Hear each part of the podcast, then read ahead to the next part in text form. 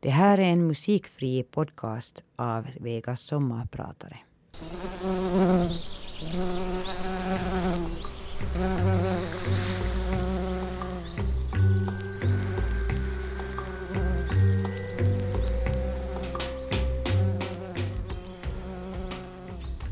Det snöade riktigt tätt i Kiev den januaridagen och jag frös så tänderna klapprade. På Självständighetstorget hade demonstrationer pågått redan i två månader och strider hade utkämpats på Europatorget några hundra meter längre bort. Jag hade nyss varit där och kände fortfarande lukten av brinnande bildäck i näsan. Med både nyfikenhet och lite beundran iakttog jag några äldre kvinnor som med sina promenadkäppar höll på att hacka loss is och snö från torget. Så omtänksamt tänkte jag. De vill hålla torget isfritt så att ingen ska halka. Oj, så naiv jag var. Damerna samlade i själva verket in snö och is i plastsäckar som förslöts och radades upp som barrikader runt torget. Det här är en av de minnesbilder från den gångna vintern och våren jag har tänkt dela med er. Jag vill också berätta lite om mitt förhållande till Ryssland och om mitt jobb som resande reporter på Yle Nyheter. Jag heter Kerstin Kronvall och är er sommarpratare idag. Bulat Agushava i Ah Nadja Nadjenka för mig i tankarna till ensamma söndagseftermiddagar i Moskva. Heta sommardagar då luften står stilla och asfalten är så varm att den ger efter under fötterna. Jag älskar att vandra på ångande het asfalt. Men nu till Ukraina. Då jag i december i fjol gjorde min första resa för att rapportera från krisen i Ukraina hade jag inte varit i staden på några år. Kiev är en vacker och trevlig stad tycker jag och det kändes bra att komma dit igen. Under den orangea revolutionen 2004 jobbade jag och min finska kollega oavbrutet i Ukraina under tre intensiva veckor för att efter det återkomma många gånger. Vi trodde då, i likhet med många ukrainare, att landet skulle bli mera demokratiskt och att de fattiga invånarna skulle få det bättre. Jag minns en ung man, Fjodor, som jag följde till vallokalen då han fick rösta för första gången i sitt liv. Han var så glad och tyckte att han var med och förändrade sitt land. Nu skulle korruptionen och de stora skillnaderna i levnadsstandard ta slut. Hej så vi bedrog oss. Nu ser vi följderna av den besvikelse folk känner då mutkolvarna sitter kvar, eller så har det dykt upp nya sådana. Och de fattiga förblev lika fattiga medan de rika vräkigt visar upp sin förmögenhet. Då i december kunde nog ingen ana att krisen skulle bli så allvarlig. Att ett krig skulle blossa upp i östra Ukraina och att Ryssland skulle annektera Krimhalvön. Aldrig hade jag heller kunnat tro att människor skulle skjutas ihjäl i Kiev, dödas i en eldsvåda i Odessa och falla i strider i östra Ukraina. Fortfarande har jag svårt att fatta att det verkligen har gått så. Att våldet faktiskt ligger så nära och när som helst kan blossa upp med fruktansvärda följder. Det har varit ganska tungt att följa den här utvecklingen då allt bara har blivit värre och jag många gånger har haft en känsla av att alla inblandade parter i själva verket har blåst på elden och ingen allvarligt ens har försökt hitta en fredlig lösning. Samtidigt har jag med egna ögon under många resor i krisens Ukraina sett hur mycket god vilja, värdighet och vänlighet det också finns. En sak är jag övertygad om. Det finns mera gott än ont i världen och de allra flesta människor är hyggliga. Hugton och feeling med Björn Skifs har en speciell plats i mitt hjärta. Jag gjorde min första utlandsresa sent i livet. Jag var hela 16 år då och reste ensam till Köpenhamn. Där köpte jag Hugtona feeling. Mina numera 40 år äldre öron tycker att musik av det här slaget är ganska tröttsam. Men den unga flicksjäl som fortfarande ligger gömd någonstans i mitt inre blir lycklig av det här. Det känns nästan underligt att tänka tillbaka på alla människor i Ukraina jag har träffat under det senaste halvåret. Så många möten, så många ord, så mycket oro, framtidshopp, sorg och glädje. Jag vet inte vem som har gjort det största intrycket på mig, men jag minns bland andra kvinnan som sålde en chokladplatta till mig i Krims huvudstad Simferopol. Dagen innan hade folkomröstningen genomförts och nu var Krim inte längre en del av Ukraina. Jag hade tagit Ukraina till mitt hjärta, sa kvinnan. Nu känns det tungt att lämna det bakom sig. Vi pratade en stund om det som hänt och hon berättade att hon håller tyst om sin kärlek till Ukraina. De flesta i hennes närhet var rysktalande som hon själv och de ville bli ryska medborgare. Det var många som uppriktigt väntade sig ett bättre liv med Krim som en del av Ryssland. De tänkte med glädje på högre löner och pensioner och glömde glatt de högre priser som också fanns i paketet.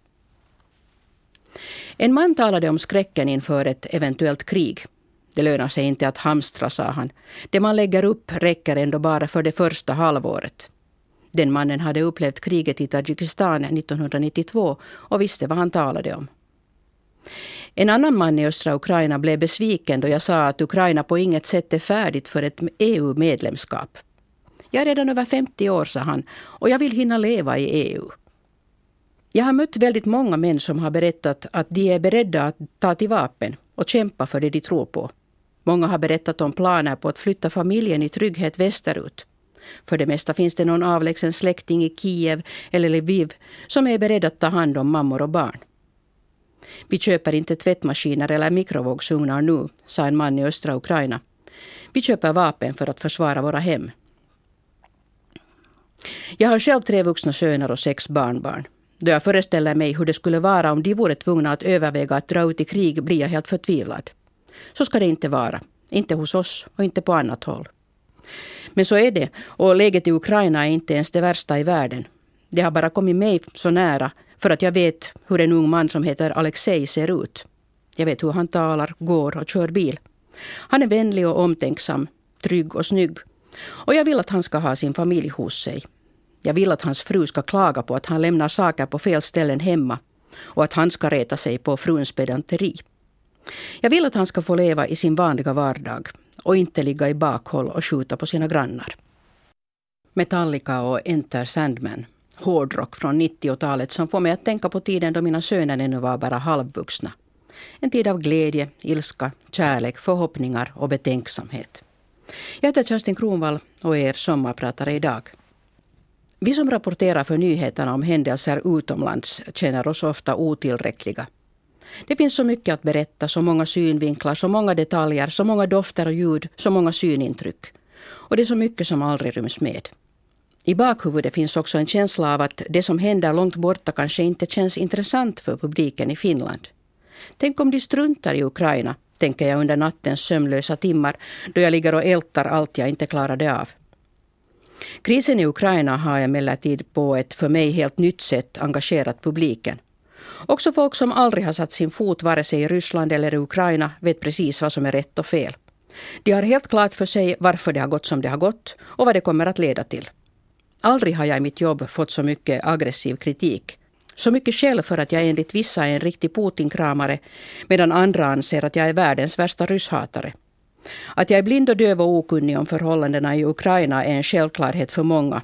Och att jag dessutom är lat och inte rapporterar om allt jag borde har också många sagt. Det är klart att sånt inte känns bra. Jag tar till mig valda delar av kritiken men låter faktiskt en del rinna av mig. Ingen journalist kan ge hela bilden av det som sker. Var och en av oss ger sin tolkning av det vi har sett, hört och erfarit.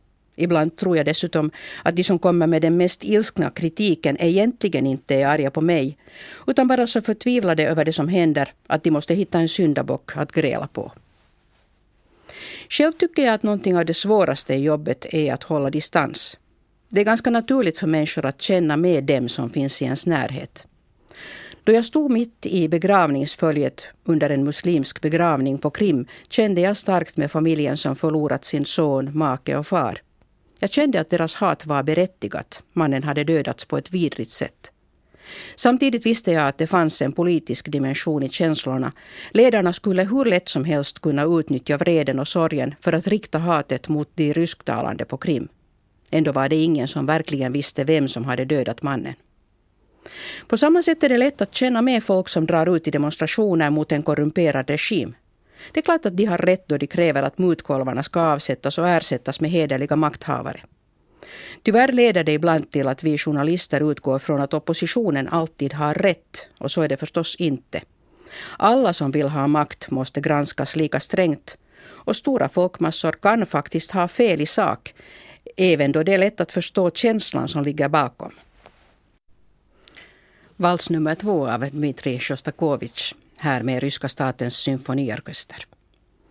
Då jag senast var i Kiev i slutet av maj stod tälten fortfarande kvar på gator och torg i centrum av stan. Också barrikaderna stod kvar, förstärkta med gatstenar och all sorters bråte. Inga demonstrationer förekom längre. Ingen uppträdde på den scen som har stått mitt på Självständighetstorget sedan november. Och jag hade en stark känsla av att de som nu höll till på torget inte var de som har förmåga att förändra landet. Det jag helst ville säga till människorna som bodde kvar var ta ner era tält, städa upp efter er och gå hem. Här har ni inte längre något att uppnå. Det sa jag inte, men det sa faktiskt en av de oppositionsledare som under vintern hade stått på scenen och agiterat. Han heter Vitali Klitschko och är en före detta tungviktsboxare som nu är vald till ny borgmästare i Kiev. Även om han gärna vill slippa tältstaden kommer det inte att bli lätt för honom att få folk att gå sin väg. Han löper stor risk att bli betraktad som en förrädare. Först fanns han bland demonstranterna, men nu vill han inte längre ha dem kvar. Det är inte normalt att en storstads absoluta centrum ser ut som en kåkstad. Och det är heller inte något tecken på demokrati att folk vägrar gå hem förrän deras önskningar är uppfyllda. Så kan ett samhälle inte fungera. Vi blir tvungna att gå med på kompromisser och följa majoritetsbeslut om vi ska ha en fungerande vardag. Och ett fattigt land som Ukraina har inte råd att ha en massa sysslolösa människor drällande i huvudstaden. Dessutom kan det inte vara någon lyckad lösning med tanke på hygienen. Hur lätt kan inte smittor spridas i sommarvärme på en plats utan avlopp och vattenledningar? Redan under mitt första besök bland demonstranterna på Självständighetstorget i slutet av fjolåret tyckte jag att det låg något ruttet i systemet. Ingen polis syntes någonstans och folk söndrade skyltar, sågade ner träd och bröt upp gatstenar utan att någon reagerade. I ett fungerande samhälle gör man inte så. Och om man trots allt gör det, då kommer polisen. Jag heter Kerstin Kronvall och är er sommarpratare idag. Mireille Mathieu. Henne ville jag lyssna på tillsammans med er idag av en speciell anledning. Hon hör nämligen i mitt minne ihop med min insikt om Rysslands bestämda strävan efter att förena alla rysktalande i världen. Låter det konstigt att en fransk sångare hör ihop med det? Ja, det är väl det minsta man kan säga. Det var så här, hösten 2008 ordnade fonden Ruski Mir, den ryska världen, en jättekongress i Moskva. Jag jobbade då med kulturfrågor på Finlands ambassad i Moskva och var av den anledningen inbjuden att delta. Kongressen hade samlat deltagare från en massa länder. Själv satt jag bredvid en läkare från Afghanistan. Det framfördes bombastiska tal som gick ut på att alla vi som talar ryska har en unik gemenskap och Ryssland vill hjälpa oss att stärka de här banden. Stämningen var på ett obestämt sätt hotfull, såsom stora folksamlingar som vill någonting och uttrycker det väldigt pompöst kan vara. Plötsligt fördes en liten kvinna ut på scenen. Hon såg förvirrad och osäker ut. Det var Mireille Mathieu, som sedan på klingande franska sjöng ett av sina världsberömda örhängen. Fråga mig inte på vilket sätt det hängde ihop med gemenskapen bland rysktalande. Min förvåning var sedan inte mindre då Mireille Mathieu samma kväll syntes på de ryska TV-nyheterna. Nu hade hon blivit tvingad att delta i en sits med president Putin i ett tält på Kremls gårdsplan. Och inte vilket tält som helst. Det var faktiskt Libyens dåvarande ledare Muammar Gaddafi som var på besök i Moskva och hade fått lov att spänna upp sitt tält på gården. Där satt de två statsledarna sedan och drack te medan Mathieu närmast såg ut att vilja gråta. Nu många år senare vill jag ibland gråta då jag tänker på hur Ryssland har utvecklats. Jag hör till dem som hoppades på mera demokrati och mindre aggressiv politik i landet. Tyvärr har det inte gått så och jag är besviken. Ja, visst, det låter lite fånigt. Ett enormt land som Ryssland utvecklas som det utvecklas och det är väl närmast lite löjligt att känna personlig besvikelse då man inte ens är invånare i landet i fråga. Men jag är besviken eftersom det finns så mycket fint och vackert i Ryssland. Och jag så gärna ville att också andra ska få se och uppleva just det och inte bara tänka på landet som en aggressiv stormakt som utan samvetsbetänkligheter intar delar av andra länder och skickar sina soldater i strid på andra länders område. Under mitt senaste besök i Moskva, det var i slutet av april, hann jag en eftermiddag träffa en av mina vänner från den tid jag bodde där. Hon är väldigt mycket yngre än jag och arbetar som kurator för barnprogrammen på det stora Polytekniska museet i Moskva. Nu träffade jag henne tillsammans med några av hennes kollegor. De höll på och drog upp planerna för barnprogrammet under en bokmässa. Jag satt där och lyssnade på de här ivriga unga människorna som försvann in i en typisk rysk diskussion. En diskussion som vindlar i oväntade riktningar, där ingen egentligen lyssnar på någon annan och där man inte ens har för avsikt att komma till någon slutsats utan bara njuter av att prata. Alla strävade efter att formulera sig så väl som möjligt, att komma med överraskande infall och dra paralleller till klassisk litteratur, musik och film. Jag kände mig som nedsänkt i ett varmt bad där inget ont kunde nå mig. En rysk folkvisa, Jemshik Neganila Shadej, framfördes här av en skolad stämma. Aleg Pagodin var det. Sången handlar om hur en resenär uppmanar kusken att inte hasta på hästarna. Det finns inte längre någon att skynda till. Jag för min del har rätt många att skynda hem till från mina resor. Det betyder också att det finns människor som är oroliga för mig då det verkar som om jag rörde mig på farliga ställen. Den delen av det här jobbet tycker jag inte alls om. Alltså att jag gör mina käraste människor oroliga. Tack och lov finns ju numera sociala medier där det är lätt att med någon kort mening ge sig till känna och lugna många människor på en gång. I själva verket är det så att mycket verkar farligare på håll än det gör då man är mitt i det som händer. Den som är på plats vet i varje sekund hur han eller hon mår medan de som sitter på avstånd bara kan föreställa sig det. Till en del ger också nyhetsförmedlingen ibland en bild som är värre än verkligheten. Jag förstår de fotografer som vill få de häftigaste bilderna och de medier som vill publicera dem. Det är klart att rök, damm, blod och tårar gör sig bra på bild. Men ibland tycker jag faktiskt att det vore bra att ta ett steg tillbaka och ge en vidare beskrivning. Under krisen i Ukraina har det varit fruktansvärt dramatiskt på vissa platser under vissa dagar. Men mestadels har folk levt sina vanliga liv och demonstrationerna och striderna har förekommit på små områden och långt ifrån alla människor har direkt berörts av dem. Självklart oroar sig alla då det händer så dramatiska saker som under det senaste halvåret i Ukraina. Därför är det viktigt att tala med så många människor som möjligt och besöka olika platser, inte bara dem där strider pågår. Det här var kanske inte direkt sommarmusik. Largot ur vintern som är en del av Antonio Vivaldis fyra årstider. Jag tycker den är så skärande vacker och tröstande att jag hoppas den en gång ska spelas på min begravning. Det bästa jag vet under reportageresor är att bara åka ut på måfå och tala med människor jag råkar träffa. Det är naturligtvis en risktagning. Tänk om jag använder en hel arbetsdag på att åka omkring utan att få ihop någonting intressant att berätta om på radio, visa på TV eller skriva om på webben. Jag kan berätta att sådana tankar pinar mig inför varje sån tur. Men jag föredrar att åka ut och tala med folk utan förvarning. Därför att jag vill att människor ska tala utan att tillrättalägga saker. Och jag tror att det lyckas bättre spontant. Jag tänker också så här. Om jag själv fick besked på förhand om att en utländsk journalist ska komma på besök och intervjua mig skulle jag tala om det med min familj och med mina vänner. De skulle ge mig goda råd om vad jag ska säga och vad jag absolut inte får yppa. Jag skulle också baka, städa och feja för att kunna ta emot den spännande gästen och då besöket väl var aktuellt skulle jag vara helt utmattad och dessutom nervös. Det är oerhört fascinerande att märka hur öppet många förhåller sig då en obekant dyker upp vid dörren. Jag tror att det är en fördel att jag inte är helt ung. I länder där de flesta har uppfostrats av en farmor eller en mormor har man som sådan ett stort välviljekapital redan innan man öppnar munnen.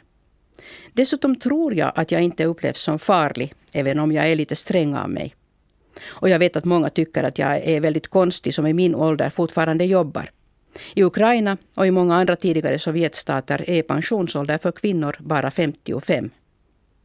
Här brukar farmödrar och mormödrar sitta och vänta på att barnbarnen ska komma på besök, sa en ung man en gång till mig. I er familj får barnbarnen vänta på att farmor ska komma hem. Sven-Bertil Taube. Honom bara måste jag lyssna på åtminstone en gång varje sommar. Också jag upplevde min första kyss en sommar och den dränkte onekligen många sorger. Min sista arbetsresa utomlands den här våren gick till Vitryssland. Dit kom jag från Kiev. Och det var många som med skräckblandad beundran tittade på mig och undrade hur illa det riktigt är i Ukraina. Kiev ligger ju i ruiner, sa en man som knappast trodde på mina försäkringar om att staden står kvar och skadorna är mycket små. Den vitryska TV-propagandan har gjort sitt. Vitryssland är ett land utan demokrati där många människor ändå säger att de är nöjda med statsledningen. Vem är då jag att komma dit och säga att de inte alls har det bra? En man i 60-årsåldern får bli mitt exempel. Han berättade glatt om hur otroligt bra hälsovård man har i Vitryssland. Alla läkarbesök och alla mediciner är gratis, sa han. Så bra då. Men jag såg med egna ögon att han inte hade en enda tand i munnen. Och det blev efter en stund det enda jag tänkte på. Jag hade så otroligt stor lust att fråga hur tandlösheten hängde ihop med hans stora belåtenhet. Men så gör man bara inte. Alltså frågar folk om deras tänder efter att ha umgåtts bara en halvtimme eller så. Som resande reporter gör man allt för att så snabbt som möjligt komma människor nära. Utan en känsla av kontakt kan åtminstone jag inte göra någon intervju. Man balanserar mellan närgångna frågor och respekt för människors integritet. Man prövar sig fram och söker de smärtpunkter och glädjeämnen som människor är beredda att dela med sig av. Min absoluta favoritfråga är vad kan ni själv göra för att påverka ert liv? Överraskande ofta är svaret ingenting. Det är ett svar jag innerst inte tror på. Jag tror att var och en kan fatta beslut som för livet i en viss riktning. Men jag vet också att ju fattigare man lever, desto mindre är valmöjligheterna. Själv är jag oerhört glad över vissa val jag har gjort i livet. Det klokaste och finaste är utan tvekan det att jag valde att få barn i unga år. Det har också gjort att jag senare har varit fri att jobba utomlands och resa iväg på kort varsel utan att till exempel behöva ordna barnpassning. Också min dåvarande man, barnens far, spelade förstås en stor roll genom att under många år dela ansvaret för barnen. Det näst klokaste jag gjort är kanske att jag beslöt mig för att lära mig tala ryska. Jag hade aldrig tänkt att jag skulle börja studera ett nytt språk som 40-åring, men så blev det. Hösten 1998 skickades jag av Aktuellt-redaktionen till Sankt Petersburg för att rapportera från en kongress om miljöfrågor. Jag kunde ingen ryska och under resan började jag skämmas över det.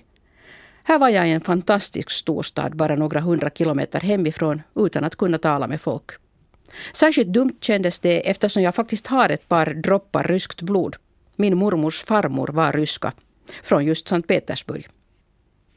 Om fem år ska jag tala flytande ryska, sa jag beslutsamt till mina söner då jag kom hem. Mamma, du är för gammal för det, sa min mellersta son, en person som vanligen tror att han vet allt bäst av alla. Jag är honom djupt tacksam.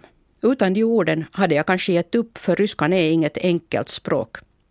Jag talar idag flytande men gör grammatiska fel. Det struntar jag i. Språk är kommunikation och växelverkan, inte grammatik. Nu vänner har vi umgåtts i nästan en hel timme och det är dags för mig att säga tack för sällskapet. Ta väl vara på varandra. Tänk vackra tankar och le mot solen. Jag heter Kerstin Kronvall och var er sommarpratare idag. Och jag lämnar er med lite fosterländskt patos. Jean Sibelius Finlandia-hymn med Pedagoges.